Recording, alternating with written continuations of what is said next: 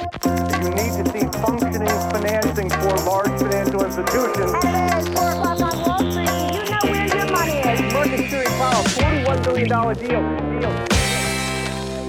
Temperaturen har ökat i fastighetssektorn under året och nu är det dags att välkomna ytterligare ett fastighetsbolag till börsen. Arlanda Stad Group. Det här bolaget grundades 2005 och har idag en fastighetsportfölj värderad till 5,8 miljarder kronor och en projektportfölj med bedömt framtida värde om 30 miljarder kronor. Det här vill vi såklart veta mer om. Bolaget kommer listas på Nasdaq First North Premier Growth Market. Indikativ värdering på 3,8 miljarder kronor. Pre-money, de tar in lite pengar i den här transaktionen. Och med mig i studion har jag VD Dieter Sand. Varmt välkommen till podden. Tack så hemskt mycket. Kul att ha dig här. Vi börjar från början. Vem är Dieter? Dieter Sand är en eh, 51-årig person som eh, är född och uppvuxen i Göteborg. Eh, flyttade till Stockholm som 25-åring. Tanken var att jag skulle bo här några år och sen flytta tillbaka till Göteborg. Men som sagt var, det var 25 år sedan. Eh, har jobbat med fastighetsutvecklingsfrågor i 25 år. De tio första åren var på entreprenadsidan där jag jobbade på NCC. Eh, började som ute på byggen och har jobbat med diverse olika saker inom entreprenadsidan. Och från 2005 och framåt så har jag jobbat med på fastighetsägande bolag såsom Atrium, eh, Citycon och eh, nu Arlanda Stad Group. Du har varit i branschen under väldigt lång tid hör jag. Så har det blivit. Vad är, och vi kommer komma in på vad Arlanda Stad Group gör för någonting, men din erfarenhet från entreprenadsidan historiskt och sen, sen 2005 och framåt och förvaltande bolag. Vad har du med dig där? Liksom, vilken nytta har du av erfarenheten, inte minst från entreprenadsidan nu när du förvaltar ett bolag som äger, förvaltar, utvecklar fastigheter men med en rejält stor projektportfölj också som vi kommer komma in på. Jag tror att alla fastighetsbolag som jobbar och har fokus på projektutveckling har väldigt, väldigt stor nytta av personal som har erfarenhet från entreprenadsidan. Eh, förståelsen för hur vi bygger och utvecklar fastigheter, vad som påverkar kostnader i kombination med förståelsen för vad som är viktigt för hyresgäster och hyresgästens kund i sin tur eh, är oerhört centralt. Så att ju, ju bredare bas du har, du behöver inte vara expert, men ju bredare bas du har inom de flesta frågor desto bättre är det. Och, och vi har många personer inom vår organisation som just har jobbat både på entreprenadsidan och fastighetsutvecklingssidan som i fastighetsägande bolag. Arlanda Stad Group, någonstans redan vid namnet så hör man ju lite grann vad det handlar om. Men berätta mer, vad gör ni för någonting?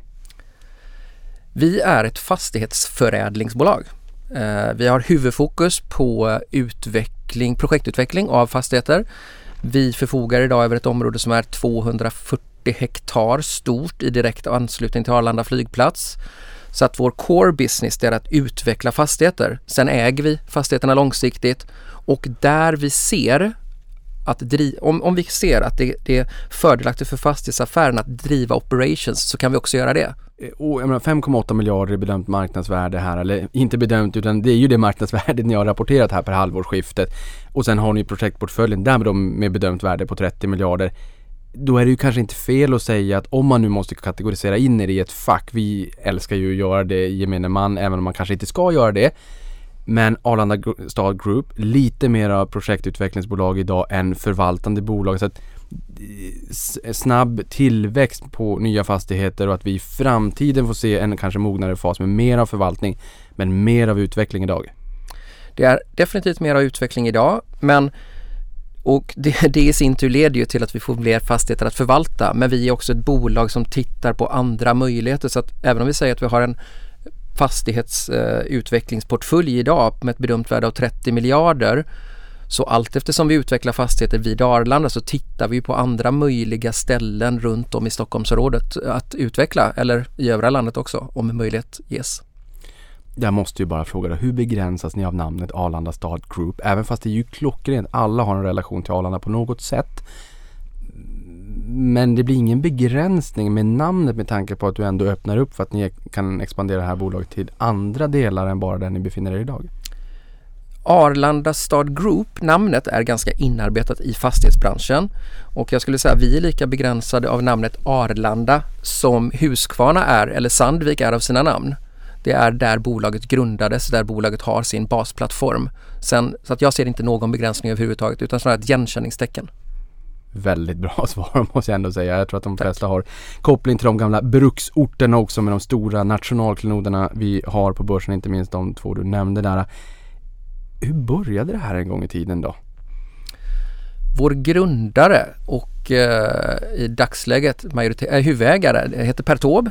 Han eh, kom över en fastighet uppe i Arlanda stad 2000. Jag vet att bolaget grundades 2005 men han kom över den här 2006. Och det var en fastighet som då hette Arlanda stad Outlet. Den låg i ett konkursbo hos en bank och Per fick möjligheten att förvärva fastigheten inklusive omkringliggande byggrätter väldigt, väldigt billigt, dryga 30 miljoner. Eh, per är en väldigt kreativ människa och har ett väldigt brett kontaktnät. Han lyckades stycka av en bit av den här marken, byggrätterna, inom en snar framtid och sälja iväg dem för 50 miljoner. Så att han stod med en fastighet med byggrätter och byggnader på som han hade realiserat en vinst fort, direkt. Och han blev ju själv ganska förvånad över det resultatet. Vad är det som gjorde att jag kunde sälja råmark för 50 miljoner, ha kvar fastigheten plus ett antal byggrätter? Och eh, det visade sig att det var ingen rocket science på något sätt utan han började titta egentligen vad händer runt stora flygplatser runt om i världen? Och då visade det sig väl egentligen att det fanns två stora flygplatser i Europa som inte hade kommersiell utveckling och det var Stockholm och eh, Tirana, Albanien. Och eh, det var ju lite intressant eh, för kring sådana här stora kommersiella nav av kommunikation så växer det fram knutpunkter helt enkelt. Så att Per grottade lite djupare i det och förstod att det här är möjligtvis ett markområde som idag inte har så bra renommé men det finns en fantastisk potential. På den här tiden var det också så att det fanns inget vidare samarbete mellan Luftfartsverket och kommunen för att man tyckte väl lite att man störde varandras verksamheter, buller och, och folk som bodde nära flygplatsen och så vice versa. Och eh, Luftfartsverket hade då heller inget uppdrag av staten att göra någonting annat än att landa och starta plan och transportera passagerare. Det vill säga att man hade inte fastighetsutvecklingsidén eh, och tanken eller heller mandatet att driva fastighetsutveckling vid flygplatsen. Så att Per eh, tog helt enkelt flygplatschefen och eh, kommunalrådet och satte sig i samma rum och eh, började beskriva den potentialen han såg och vilka möjligheter det skulle vara om man samarbetade. Och fick parterna att samarbeta eh, i, från början i i ett forum som hette Stockholm Airport City och sedermera sedan 2012 i bolagiserad form ett bolag som heter Airport City Stockholm där vi tre stora markägare i området äger en tredjedel var i bolaget Airport City Stockholm. Och Airport City Stockholm är ett marknadsföringsbolag vars uppgift är att marknadsföra platserna och utveckling kring Arlanda men också ett bolag där vi gemensamt kan göra Eh, utredningar där då stat och kommun och privat aktör tillsammans har samma uppfattning i frågeställningar i det fall vi nu har det. Men, men, men, men gemensam front. Så att eh, det samarbetet har varit väldigt, väldigt viktigt för området, för områdets utveckling och för alla parter. Så i det här fallet, intresset var jättelågt för den här marken och det här är inte länge sedan. 2006 sa att man förvärvade marken, bolaget grundades 2005 det är, det är inte jättelänge sedan i ett historiskt perspektiv. Men intresset var jättelågt. Intresset var jättelågt och eh, Per bestämde sig då när han, när han såg resultatet av sin första goda affär att förvärva så mycket mark han kunde i, som hängde ihop i direkt anslutning till flygplatsen. Och vi har väldigt, väldigt bra ingångsvärde på väldigt stora delar av marken. Det, det här äh, ingångsvärdet, det, det, här brukar man också prata om liksom dolda värden på balansräkningen och sådär. Hur värderar ni värdet på marken ni äger idag? Värderingen på marken vi äger idag, det görs ju av äh, externa värderare och vi värderar det varje halvår. Och, och, det är olika såklart beroende på om det är detaljplanelagd mark eller icke detaljplanelagd mark och så vidare. Ni har ju tre verksamhetsområden. Fastighetsförvaltning, fastighetsförädling och operativa bolag som du var inne lite grann på här i början. Berätta. Som jag sa tidigare så är ju förädlingsverksamheten, det vill säga projektutvecklingen, våran core business. Där, där ägnar vi väldigt stort fokus om vi delar upp det här i procentsatser så är det ju lejonparten på fastighetsförädling. Men när vi väl har så att säga byggt klart produkter så, så blir de ju eh, förvaltningsobjekt och vi tänker långsiktigt. Vi är en långsiktig ägare och utvecklare och vill också förvalta våra fastigheter. Eh, och det är vårt andra ben och som du var inne på lite, förvaltningsportföljen blir såklart större ju längre över tid man kommer om man behåller det man bygger. Det är helt rimligt och logiskt. Och vi jobbar väldigt mycket med att bygga så kallade kluster, affärsenheter ehm, där olika hyresgäster eller olika aktörer kan samverka och där egentligen ett plus ett blir tre. För att om hyresgäster ligger bredvid andra preferred eh, grannar så kan verksamheterna så småningom bilda synergier med varandra och leva i symbios. Det låter lite klyschigt, men det är lite så. Eh, och om vi då genom att driva ett operativt bolag för att trigga den här affären och således fastighetsaffären, om vi kan hjälpa till att driva ett operativt bolag som kan göra de här klustren så att de fungerar bättre, ja men då är vi inte rädda för att göra det också. Eller heller. Och vi har ett par sådana eh, bolag som vi eh, eh driver för att vi ser att det gör att fastighetsaffären triggas helt enkelt. Ta ett exempel på någon av de operativa bolagen som ni, som ni driver för att eh, visualisera. Eh, vi har precis byggt färdigt en mötes och eventarena som heter Scandinavian Expo. Eh, och den ligger i en anläggning där det också finns hotellverksamhet och konferensverksamhet och långstayverksamhet. Och genom att vi kan ha ett eget operatörsbolag, det är, väl, det är ju egentligen en organisation som korttidsuthyr stora lokaler för möten och event. Och, och vad händer om vi driver det här bolaget? Jo men äger vi hotellen, äger vi konferenslokalerna, äger vi restaurangerna och äger vi utbildningslokalerna i området då är det viktiga för oss att få möten till platsen. För människor som kommer till platsen kommer således att förmodligen att bo på hotellen eller äta maten eller nyttja våra konferensrum eller våra utbildningslokaler. Och då kan vi få ihop det till en helhet. Vi kan styra möten till platsen som vi vill och variera egentligen i priset för det. För att vi tjänar pengar på andra delar av affären. Nu har ni ju en fastighetsförvaltning. Vi pratar om de här 5,8 miljarderna. Det här blir ju fina kassaflöden. Ni har hyresgäster idag. Men framåtlutad och bygger väldigt mycket stor projektportfölj. Men, men jag tänker här kassaflödet som ni får in i Eh, fastighetsförvaltningen här löpande. Vilket ni kan använda för att investera i och bygga då i egen regi som ni sen vill fortsätta att behålla över tid. Det är bra för då bygger man det kvalitativt också. För ni vet, bygger man det dåligt då är det ni som får renovera det när, när saker och ting går sönder det är en ganska lönsam affär ändå att bygga i egen regi samtidigt som det är högre risk. Ni har erfarenhet. Det, berätta mer om vad är det för lönsamhetsnivåer vi pratar om när man bygger själv? Eh, vi ser att vi på våra fastighetsutvecklande delar levererar en eh, projektvinst på 30% ungefär. Eh, det låter väldigt högt. Eller det, det, låter rimligt men det låter ändå högt. Det låter som en attraktiv lönsamhetsnivå. Vart skulle du säga att branschstandard ligger? Är det liksom ett gott resultat? Det är ett väldigt gott resultat. Det är det absolut. Det är väldigt tydligt. Vilket område är störst, växer snabbast kontra är lönsammast av de här tre benen då?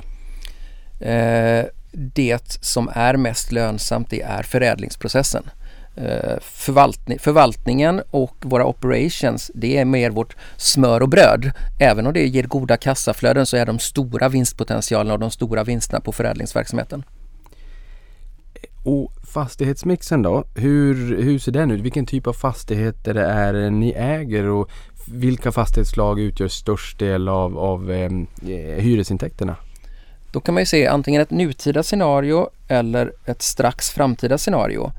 Vi har ju fokuserat väldigt mycket de här första åren vi har jobbat på eh, möten. Egentligen att möjliggöra effektiva möten. Och vad är då det? Jo, men då har vi utbildning, du sa hotell, konferenslokaler, utbildningslokaler. Eh, så att det är den typen av verksamhet som är så att säga tyngst just nu och saker som man kopplar till möten. Vi har till exempel närmare 15 till 20 000 kvadratmeter utbildningslokaler för fordonsindustrin. Och när fordonsindustrin, då, då talar vi etablerade märken som Hyundai, och Renault, Nissan, Volvo, Toyota som är där och utbildar sin personal. Då har vi även testanläggningar, det vill säga praktiska testfaciliteter där man kan köra bil och utbildas i teoretisk lokal. Så att den kombon eh, gör så att säga produkten utbildning för oss eller utbildningslokaler. Och eh, vilka här är hyresgäster då?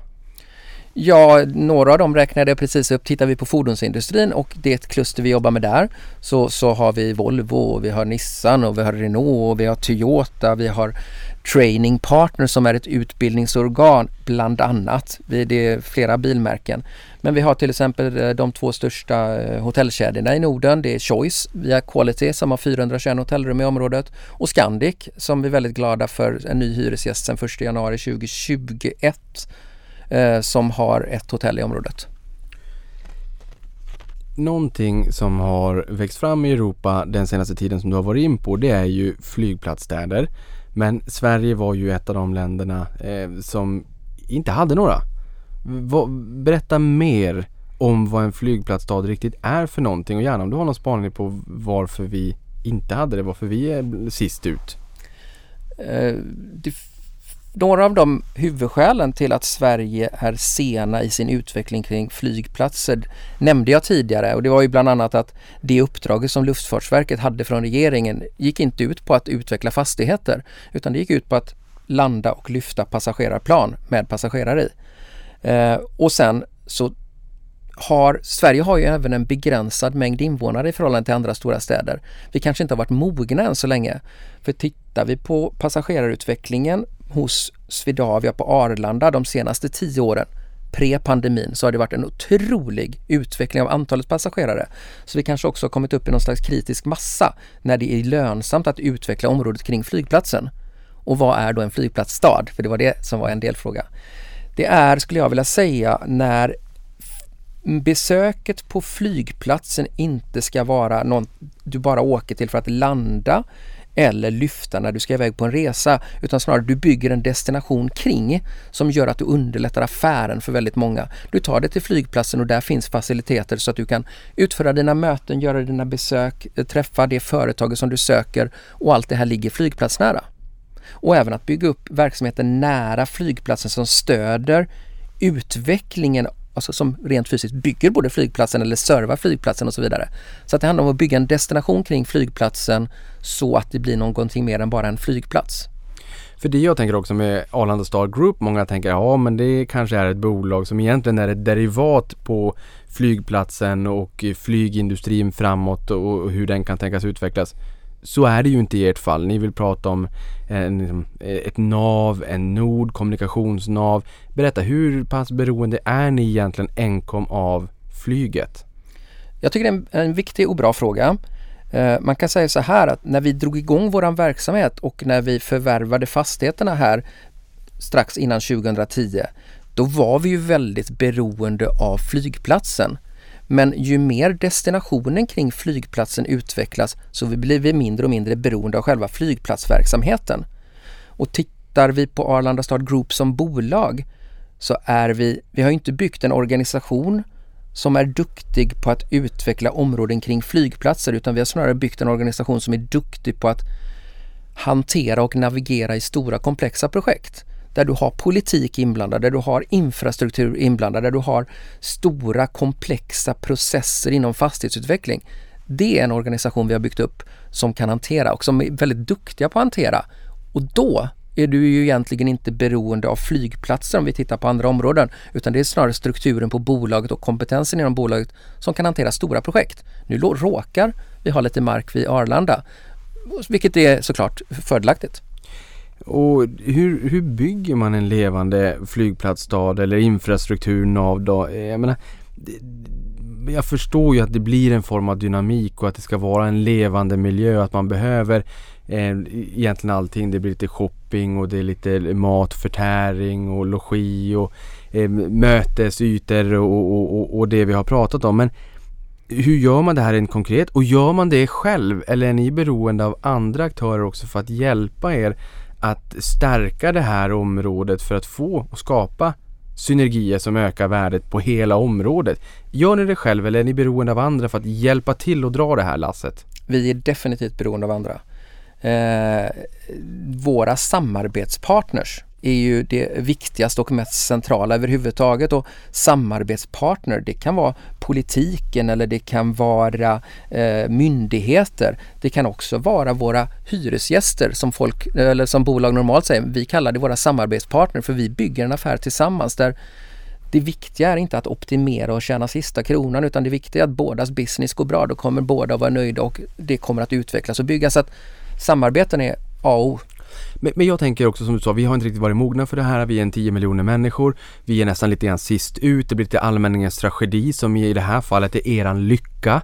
När man bara levererade på sina mål, starta och, och, och landa plan. Man tänkte inte på någonting annat för det var inte deras jobb. Och sen kom ni och skapade värde här. Och den resan har ni ju ändå bara börjat. När man tittar på designbilder, skisser i era prospektmaterial så ser det ju ut som en levande, egentligen ny stadsdel med vanliga det skulle lika gärna kunna vara en, vilken annan stadsdel som helst i Stockholm.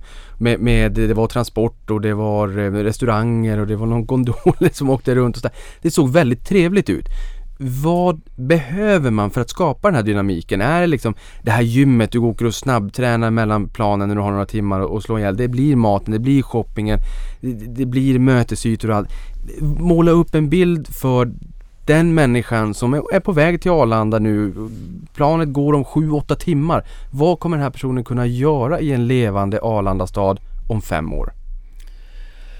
Eh, det lättaste och bästa sättet att måla upp en bild av utvecklingen kring Arlanda det är att titta på andra stora flygplatser runt om i Europa och vad som finns där. Då kan man lättast visualisera de behov som även kommer att, så att säga, växa fram på Arlanda. Men för oss som fastighetsutvecklare, vad som är viktigt för oss är det att lyssna in vad behöver de som kommer och besöker närområdet? Tittar vi till exempel på våran mötes och eventarena Scandinavian Expo. Ja, vi har mötesfaciliteter. Ja, vi har konferensrum. Ja, vi har hotellrum och restauranger. Men vi har också andra verksamheter som kopplar till. Vi har gym och vi har crossfit-anläggningar, närhet till golfbana. Vi har skytte skyttebana, vi har eh, Den där paddelbanan. paddelbanor, absolut. Så att Såklart. jag tror att dagens, eller det är viktigt att förstå hur och vad människor uppskattar när man utvecklar en miljö. Både om det är vid en flygplats, då är det kanske ett vis- visst speciellt mönster man tittar med, eller ett annat stort område så att man förstår, bara, bara, bara känna av människor helt enkelt. Finns det någon um, polstjärna där ute i Europa eller i världen för den som lyssnar på det här, blir nyfiken, intresserad, vill se vad framtiden skulle kunna tänka sig erbjuda där man kan spana in hur ser det ut vid den här flygplatsstaden? Så här ska jag svara på den frågan. Att Sverige var väldigt sent ut med att bygga en utveckling kring flygplatsstaden, det är ju fantastiskt ur perspektivet möjlighet. Vi bygger i princip upp en arena på orörd mark. Vad som har hänt i andra stora flygplatser det är att utvecklingen har kommit så fort att man kan liksom inte, man har inte hunnit strukturera upp det här. Du har allt vid terminal, kanske både logistik och hotell och andra exklusiva saker. Här har vi ganska tydlig fördelning tycker jag på vad, vad är det för verksamheter som hör hemma vid, direkt vid terminal. Ett antal kilometer söderut har vi Ro- Rosersbergs logistik och industriområde och mellan eh, då Rosersbergs logistikområde och terminal ligger vårat markområde som så att säga fyller upp de 80 procenten av aktiviteter som saknas mellan logistik och terminalnära verksamheter. Så att det går inte att titta på en plats och säga att wow, så här ska det bli i Arlanda. Utan vi har ju världens möjlighet att göra det här lite bättre. Men om du får svara då på en skala från 0 till 100, hur pass stor del av potentialen kring Arlanda och Arlanda stad är utnyttjad idag? Man kan ju mäta det där på lite olika sätt. Eh, tittar vi byggrätter, potentiella byggrätter, så har vi nyttjat någonstans mellan 8 och 10 procent. Så att det är en väldigt, väldigt liten del. Och, och det är rätt intressant för att vad vi har bland annat gjort under de här första tio åren, det är ju byggt en basinfrastruktur. Vi har byggt huvudgata genom området. Vi har precis öppnat en tunnel som har nästan tagit nio år att få, få färdigställd med Trafikverket under E4. Så vad som precis har hänt och vad som är en av anledningarna till att vi noterar det är att vi nu har så mycket basinfrastruktur färdig att vi har potential att börja utveckla från tre olika noder. Hittills har vi utvecklat från en och samma nod och expanderat och exploaterat. Men med huvudinfrastrukturen klar då kan vi öppna flera ställen i området. Det här är ett stort område, 240 hektar, det är 500 fotbollsplaner. Oh, bra att du satte det i kontext. Ja, och, och då förstår man att det, det, då kommer vi att till exempel i Aralstadområdet gå från ett nav till tre nav. Det vill säga en potential om tre gånger så snabb utveckling som tidigare och det är ju för att basinfrastrukturen nu ligger på plats. Så att där har du timingmässigt ett av skälen till varför vi väljer att gå mot notering nu. För ni har ju en jättepipeline i projektportföljen. Jag är ju en lekman. Men jag tänker ändå att ju mer ni bygger desto mer borde det ju skapa en starkare dynamik, starkare attraktionskraft och också höja värdet på redan befintligt bestånd. För ju fler som är där desto fler kommer att vilja vara där när det blir en, en viktigare och viktigare destination, ett viktigare nav. Jag håller med. Jag håller med till 100 procent. Om man bara har insikten att göra det i balans och just nu är efterfrågan väldigt, väldigt hög. Och vi ska då också tänka att när vi utvecklar området kring Arlanda flygplats, då utvecklar vi faktiskt området som ligger mitt emellan Stockholm och Uppsala. Över tid finns det väldigt många forskare som visar att Stockholm och Uppsala kommer växa ihop. Det sker snart, det sker om 10 år, det sker om 20 år. Och då är det så här att Arlanda ligger mitt mellan Stockholm och Uppsala. Så att vi utvecklar också områden som kommer att ligga i centrum mellan Stockholm och Uppsala. Herregud. Och det är en intressant. Eh, Två, ni förfogar ju över 240 hektar. Ja. Eh, och, och det är 500 fotbollsplaner. Men hur mycket finns det kvar att köpa då? Finns det mycket kvar att köpa och hur pass dominerande privat markägare är ni i dagsläget? Är ni den största? Vi är den största privata markägaren. Det finns intressanta områden kvar att köpa kring Arlanda. Ehm, Jag kan inte svara i hur många hektar som är int- intressant men det finns några områden som vi har identifierat som är intressanta. Men återigen, vi ska inte bara ha fokus på Arlanda utan vi tittar ju faktiskt på andra intressanta markområden runt om i regionen. Och när vi har så mycket mark som vi har vid Arlanda så kan man ju också tänka att det finns vissa saker vi kan ju så att säga, skapa dominoeffekter genom att köpa ett område och flytta verksamheter till Arlanda som ligger bättre vid Arlanda och få tillgång till områden som vi i sin tur kan utveckla. De här enorma arealerna ger ju väldiga, väldiga möjligheter i dominoaffärer. Ja, och det jag blir lite nyfiken på det är ju hur, hur pass unik exponering ger Arlanda Stad Group på, på börsen och vilka är era närmsta konkurrenter? Hur särskiljer ni er? Min, min spontana uppfattning är att det är ändå en ganska unik exponering som nu är på väg till börsen. Jag tycker ju att eh, unikiteten i en exponering är upp till andra att bedöma. Även om jag så att säga, jag håller med dig. Eh, men, men det är ändå upp till andra att bedöma. Men vi, vi, vi, vi, är, vi är lite nya och lite fräscha på flera sätt. En fråga som inte går att komma ifrån det är såklart pandemin. Vi är inte riktigt ur den ännu heller. Hur har ni påverkats av pandemin och vad, vad tror du kommer att vara bestående effekter framåt?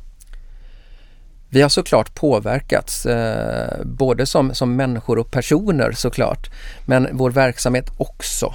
Vi eh, jobbar ju väldigt mycket med möten kring en flygplats, alltså två grupper som har drabbats kortsiktigt ekonomiskt väldigt mycket. Eh, vi har starka ägare, vi har starka kontakter med banker och så vidare. Så att vi tror ju på ett liv efter pandemin. Vi tror att saker kommer att återgå till det normala eller det nya normala.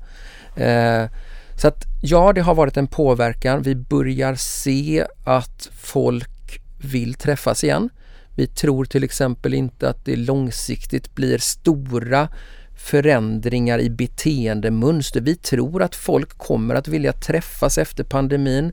Okej, okay, vill folk jobba mer hemifrån? Kanske. Det ger å andra sidan ett behov av att träffas hela gruppen lite mer då och då. Jobbar du med möten och den verksamheten då, då kanske det jämnar ut sig. Men ingen kan ju säga hur den långsiktiga effekten av pandemin blir. Vår absoluta uppfattning är dock att långsiktigt så, så eh, kommer vi att återhämta oss. Det låter bra. Skönt att höra. Jag delar den uppfattningen.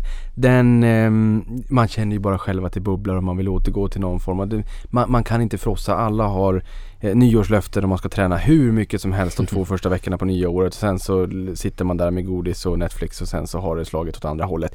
Det kommer säkert bubbla. Det blir ett kosläpp som vi ofta pratar om. Ni har projektportföljen på 30 miljarder. Hur, hur många år kommer det ta att bygga ut den här portföljen? Det är också en fråga jag har fått vid flera tillfällen. Vi kommer att öka tempot. Eh, de sista åren har vi investerat någonstans mellan 300 till 500 miljoner utifrån en nod.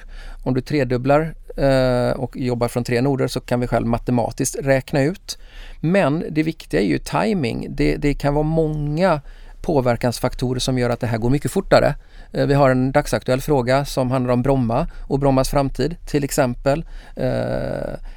Vi har ju effekter av pandemin som gör att eh, min egna bedömning är att det kommer att fokuseras till ett antal större flygplatser runt om i Sverige istället för att det finns många eh, småflygplatser runt om i Sverige och då kan ju det absurt nog bli en positiv effekt för Arlandaområdets utveckling. Så det kan gå mångt, mycket snabbare men det är en timingfråga. Det är en timingfråga och, och, och egentligen utveckla i takt med eller lite saktare än marknadsefterfrågan för då får du bäst betalt. Mm.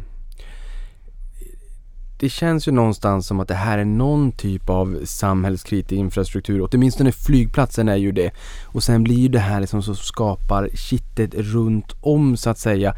I dagsläget så har jag förstått att det är stor exponering mot hotell men du vill ju inte prata bara om nuläget utan om framtiden och vart ni ska i och med att framtiden och projektportföljen är så mycket större än beståndet i, i, idag. Men vad är det här för typ av djur i, i fastighetsbranschen? Alltså hur ska man värdera den här typen av, eh, av tillgångar? Alltså, hur ser avkastningskraven ut? Eh, Styrelsen har ju satt upp ett avkastningskrav som vi dessutom har levererat eh, de sista tre åren och det är eh, 15 överskridande 15% avkastning på eget kapital. Det är ju väldigt högt. Ja. Eh, och ni har en hög soliditet. Ja, vi har tagit Låg belåningsgrad. Ja, Det är det. det är jätteimponerande. tack. Men det måste ju också vara på grund av den framåtlutade projektportföljen och det goda affärsmannaskapet att kunna inte trilla på näsan Bambi på hal is utan kunna bygga väldigt mycket och få en god lönsamhet i den projektdelen. Ja, vi har ju fått eh, förutsättningarna av våra huvudägare och styrelse att jobba långsiktigt och då ger det också resultat. Ni gav ett väldigt bra räkneexempel också i, i prospektet där ni räknar på att ja, men vi ska investera 1,8 miljarder ungefär, en och en halv miljard någonstans i bankfinansiering och 300-400 miljoner tar vi in eh, liksom i, i nya pengar då och sen så när det här är färdigställt och det är värt ungefär 2,8 miljarder. Du som lyssnar på det här behöver inte hänga med på siffrorna. Men sen vart det driftnetto i slutet. Liksom, hur mycket pengar kan vi få in av det här eh, från de här uthyrda fastigheterna sen i slutet? Och bottom line gentemot marknadsvärdet så vart en yield på 6% Jag reagerade ändå på att 6% låter ganska mycket. Idag så är det klart att man kanske sätter en lite högre, liksom man har lite högre krav när det är hotellexponering. Men å andra sidan så skyndar ni ju framåt. Om jag säger yield på 6% och det låter lite högt, eller kanske konstigt att säga så, men i det klimatet vi lever i och mycket pensionskapital får ingen avkastning på räntor. Man, man letar sig in i samhällsfastigheter och andra typer av fastigheter för att där blir det liksom, liksom lite bättre än ingenting. Vad säger du då? Jag säger att det är ett konservativt räkneexempel. Eh, man ska komma ihåg här att platsen Arlanda stad som vi jobbar med, när vi började jobba med området 2010 så var det kanske den sista platsen man ville etablera bolag överhuvudtaget. Vi håller ju på att bygga upp en verksamhet och vända en opinion och få det här till en attraktiv plats att vara och utvecklas. Eh, jag skulle säga att vi har nästan halverat yielden från det att vi började till vad den är idag. Sen säger inte jag att den kommer att vara 6% om något eller några år utan den jobbar sig nog i rätt riktning. Med allt med att hyresgäster som vi sätter och långa kontrakt och utvecklingen kring flygplatsen så att eh, Eh, det är väl en bra yield för de som går in nu med ett sådant räkneexempel. Och när man säger det konservativt räknat, jag menar i, vi pratar om fastighetsvärdet här om 30 miljarder och där ser ni framför er ett årligt hyresvärde, hyresintäkter då på 2 miljarder. Och det ska ställas i relation till 144 miljoner kronor då de senaste 12 månaderna. Så att det är ju en rejäl ökning såklart. Hur ser vägen dit ut framåt och liksom, eh, spikrak eller vad säger du? Nej, det enda vägen fram, eh, det enda man kan säga om vägen framåt är väl egentligen att den absolut inte är spikrak. Eh, för den som säger att man vet hur det ser ut om tio år, den tror inte jag på i alla fall. Utan här gäller det att liksom idag vara eh, med örat mot rälsen. Känna av vad är det behov av, vad ska vi starta upp, när ska vi starta upp, hur fort ska vi bygga saker, hur fort ska vi utveckla saker. Vi bygger ju inte på späck överhuvudtaget idag utan vi bygger när vi har säkrat en intäkt.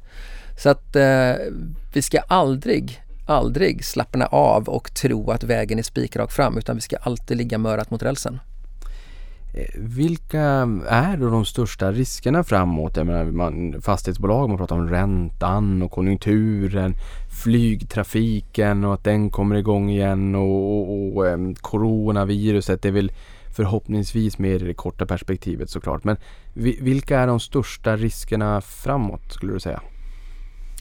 Om vi bockar av flygtrafiken för att det är viktigt att, att förstå att vi kommer ju inte bara jobba med någonting kring flygplatsen. Så att, eh, och, och räntan såklart att den kommer att påverka om den stegrar men, men med det bolaget vi är så är det väl snarare eh, både så att säga att vi kan säkerställa så hög kvalitet på de som vill jobba med oss som vi har idag och, och så att vi fortsätter jobba i den goda anda vi har samt finansieringsmöjligheterna på projekt i och med att vi är då projekttunga och bara det området vi har pratat om idag eh, så är det ju många miljarder som vi ska finansiera upp över tid. Eh, senaste 12 månaderna så har ni lyckats generera en imponerande ROE då eller räntabilitet på eget kapital om 16 procent. Det här var vi in på nyss då trots 59 procents soliditet. Eh, och projektportföljen här och då ger ju en, en väldigt god eh, avkastning i projekttunga. Men vad är rimligt att förvänta sig framåt? Ni har ju några finansiella mål. Hur ser Mm. de ut? Ja, det, det finansiella målet är över tid ha en, eh, en avkastning på eget kapital på 15% eller mer. Vi har en belåningsgrad understigande 50% Och det här är en fråga du också har varit in på. Men repetition är kunskapens moder. Varför väljer ni att gå till börsen just nu? Är det liksom take-off för den här ehm, eh, utvecklingen här? Du pratade om en nod som går till tre noder, att det blir mycket, mycket snabbare fart framåt härifrån, högre kapacitet. Är det hela skälet till varför ni väljer att gå till börsen? Det är huvudskälet. Eh, hittills har vi ju faktiskt varit då begränsade i viss mån av vår huvudägares plånbok och eh, med den både basinfrastruktur i alla ords bemärkelse som vi har byggt upp eh, och som gör det möjligt att så att säga respondera på marknadens efterfrågan, agera, öka tempot samtidigt som vi tittar på andra markområden. Eh, Det sammanlagt gör att det är en ypperlig bra timing. Och i samband med den här noteringen så tar ni in mera kapital. Som jag har förstått så säljer ni inte av någonting. Stämmer. Vilket också känns väldigt bra, förtroendeingivande. Ägarna, befintliga sådana, vill vara med på resan framåt och nästa kapitel som nu tas. Men ni tar in nya pengar offensivt. Vad ska ni använda pengarna till? Eh, Allt som vi har pratat om hittills. Jag förstod det, det var en ledande fråga. Det var ett bra svar också. Eh, ni säger ju att förvaltningsportföljens kassaflödesgenerering då bidrar till att Arlanda Stad Group kan finansiera ytterligare exploatering och förvärv framåt. Finns en del områden kvar kring Arlanda där som är spännande. Eh, innebär det här att ni har tillräckligt med kassaflöde idag för att kunna växa framåt och finansiera det för egen räkning med det kassaflödet ni genererar givet en acceptabel tillväxttakt framåt eller kan det tänkas bli offensiva nyemissioner? Eh, Menar du också med de pengarna vi stoppar in? Ja. Ja. Nej men det ser vi att vi, det, kommer, det kommer vi väldigt långt med. Bra. En annan fråga.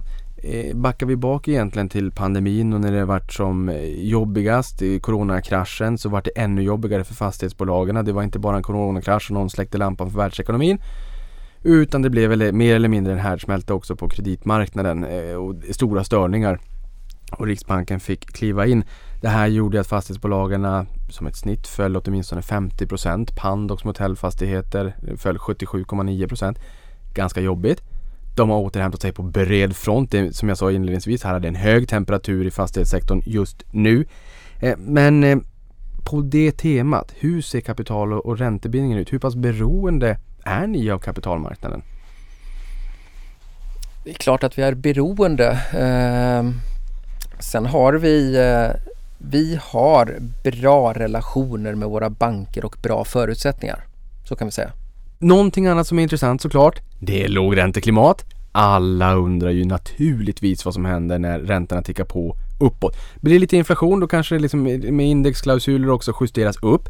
Men överlag, du är bättre på att svara på det än vad jag är. Vad händer, eh, vad har ni för snittränta idag och vad händer när räntorna börjar stiga?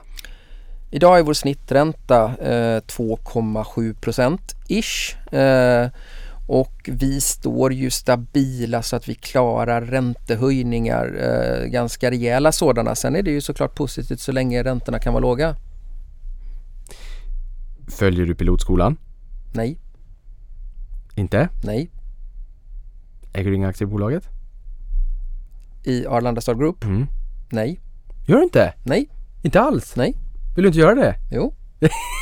Men du kommer att äga aktien när Ja. noteras då? Ja, vi har, vi har ett optionsprogram. Ni har ett optionsprogram. Okej, Ja. så du, därav följer du ändå pilotskolan? Ja, precis. Okej. eh, bra, ni har ett optionsprogram, du har skin in the game. Ja. Underbart, jättebra att höra dit Utöver det, hur ser ägarbilden ut? Vi har varit in lite grann på den här starka huvudägaren med plånboken men att ni nu får tillgång till ännu mer pengar och kunna eh, liksom, eh, trycka på ännu snabbare. Men eh, innan ni kommer in på börsen, hur ser ägarbilden ut just nu? Just nu så eh, har vi ett eh, någonstans mellan 30 och 40 privata aktörer som har investerat i bolaget via egna bolag. Men vi har ju faktiskt fått en ny näst största ägare här sedan några månader tillbaka som är SBB. Så att det är intressant och, och de har ju också tecknat sig här för en, en god slant av eh, nyemissionen. Går det att säga någonting där? Jag menar SBB Emilia Battlian i, i, spetsen, de har köpt 15% av bolaget Just det. Ehm. Och har tecknat sig för en slant till. och har tecknat sig för en slant till. Ehm, och de är också väldigt framåtlutade. Absolut. Eh, Går det att säga någonting mer? Går det att bjuda på någonting? Jag tror att väldigt många lyssnare av det här äh, är lite nyfikna kanske på SBB eller och tanken bakom och i och med att de är liksom väldigt framåtlutande, det, springer snabbt, det händer mycket. Ehm, är det här en finansiell investering eller är det mer av en strategisk sådan? Kan du säga någonting? Ja, men jag skulle vilja respondera egentligen med att de flesta som har pratat med mig har reagerat och tyckt att Nej, men ni är ju så väldigt, väldigt olika SBB. Eh, det är ju helt olika liksom, strukturer och sådär.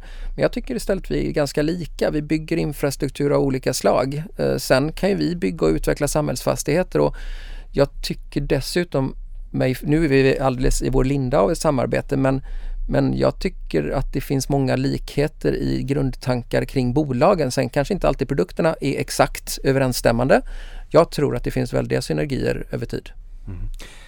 Vilka har varit de vanligaste frågorna efter att ni berättade för marknaden att ni är på väg in till First North? Premier Growth Market om man ska vara exakt. Eh, va, absolut vanligaste frågan är väl egentligen eh, varför? Och vad har varit det vanligaste svaret då? Det enda svaret? Ja, det har vi också pratat en hel del om. Vi är ju inne i en expansionsfas där kurvan redan har knäckt uppåt och vi har klarat oss otroligt länge med en stark huvudägare och starka bankrelationer. Men eh, för att kunna liksom frigöra den potential, för att liksom kunna släppa loss hästarna på grönbete som bara står och krafsar, liksom, då, då, då eh, underlättar en börsnotering. Mm. Sista frågan. Ehm, klassisk sådan såklart, men eh, vart befinner sig Arlanda Stad Group om fem år? Eh, vi befinner oss förmodligen på flera ställen än i Arlanda stad. Eh, vi kommer ju att bredda vår verksamhet. Vi kommer ju öka tempot i Arlanda stad. Vi kommer sannolikt om fem år dessutom jobba med ett antal olika projekt på andra städer eller ställen än i Arlandaområdet. För, för där blir jag också bara nyfiken, för när vi pratade om det här nyss under avsnittet Mm. så kommenterade du regionen Mm. och Stockholm, Uppsala. Mm. Men eh, finns det någon logik alls i att välja andra geografiska delar av Sverige eller tappar man lite grann av styrkan med att bygga upp liksom ett kluster då? Du tappar inte styrkan med att bygga upp ett kluster enligt min åsikt att se det. Eh, du kan ju säkert tappa andra för eller nackdelar men det beror på projektet. Det beror på, för vi är inte intresserade av ett projekt där vi ska utveckla några kvadratmeter byggrätt här eller 10 000 kvadratmeter byggrätt där för den skull. Vi är intresserade av stora sammanhängande markområden eller med byggnader på som vi kan tillföra kompetens och inte hålla tummarna och, och, och för en yieldkompression utan vi ska tillföra kompetens som i sin tur sänker yielderna och, och får de här områdena att utvecklas. Så att i det avseendet så tror jag inte att avstånd är eh, negativt. Eh, men anledningen till att jag har sagt region och Stockholmsområdet det är väl egentligen att den marknaden känner vi ju absolut bäst. Vi får väl lära känna något annat område om vi hittar ett område som vi verkligen tror på. Jag, jag tänker mig här att visst det kan ju finnas eh, en viss em, påverkan av konjunkturen och sådär men, men samtidigt så tänker jag också att det finns ju inte hur mycket lokaler, möjligheter som helst vid, eh, vid Arlanda och Arlandastad heller. Och det borde ju någonstans innebära att en hyresgäst kanske inte lämnar lokalen om de verkligen inte måste. För nästa gång det blir bra fart i ekonomin då kanske man inte ens får en möjlighet att, att finnas i Arlandastad. Och det kanske är väldigt viktigt för den här hyresgästen. Hur, hur ser liksom vakansrisken ut? Hur långa avtal har ni? Och hur, hur sannolikt skulle du säga att det är att, att vi någon gång i framtiden får uppleva lite större vakansrisk i bolaget? Är den risken överhängande eller är liksom de som sitter, sitter ofta ganska lång tid? Det var många frågor i samma fråga. Ja, jag ska försöka bena ut och försöka sortera från början. Eh, hur långa hyresavtal har vi? Ja, någonstans mellan 3 och 20 år. Eller 25 år tror jag till och med något det. Ehm, och våra hyresgäster, peppar peppar, som vi har jobbat med sedan 2010 då. Det är inte många som har avflyttat. Eh, hur stor är sannolikheten att vi får stora vakansrisker i området? Ja, det är en intressant fråga. Eh, vi bygger ju till att börja med inte på späck och, och har väl egentligen inga tankar om att bygga på späck och över tid heller. Så att det är en jättesvår fråga att svara på. Jag ser väl inte att risken skulle vara större där än någon annanstans. Jag, jag tycker att det där är intressant det du säger att vi bygger inte på späck. Mm. Ehm, när man pratar bostadsutveckling så brukar de ju ha en viss eh, kvot, liksom hur många tecknade kontrakt det måste finnas innan man sätter spaden i marken. Har ni en tilltänkt hyresgäst eller kanske ett färdigt kontrakt innan ni börjar bygga? Så har det varit hittills. Mm. Sen får vi ju se, kan det vara så att inte allt ska vara uthyrt innan vi börjar bygga i en framtid i en noterad miljö, krav på ökat tempo eller vilja på ökat tempo. Eh, Men hittills har det varit så att vi har haft hyresgäster har vi byggt. Underbart. Dieter, tusen tack för att du kom till podden och berättade mer om Arlanda Stad Group. Kan du säga någonting om när första handelsdagen är? När är klockringningen? Det är den 15 september. 15 september. Då återstår det bara för mig att säga varmt lycka till framåt och tack för att du kom till podden. Tack så mycket själv för att jag fick komma. Och stort tack för att du har lyssnat på det här.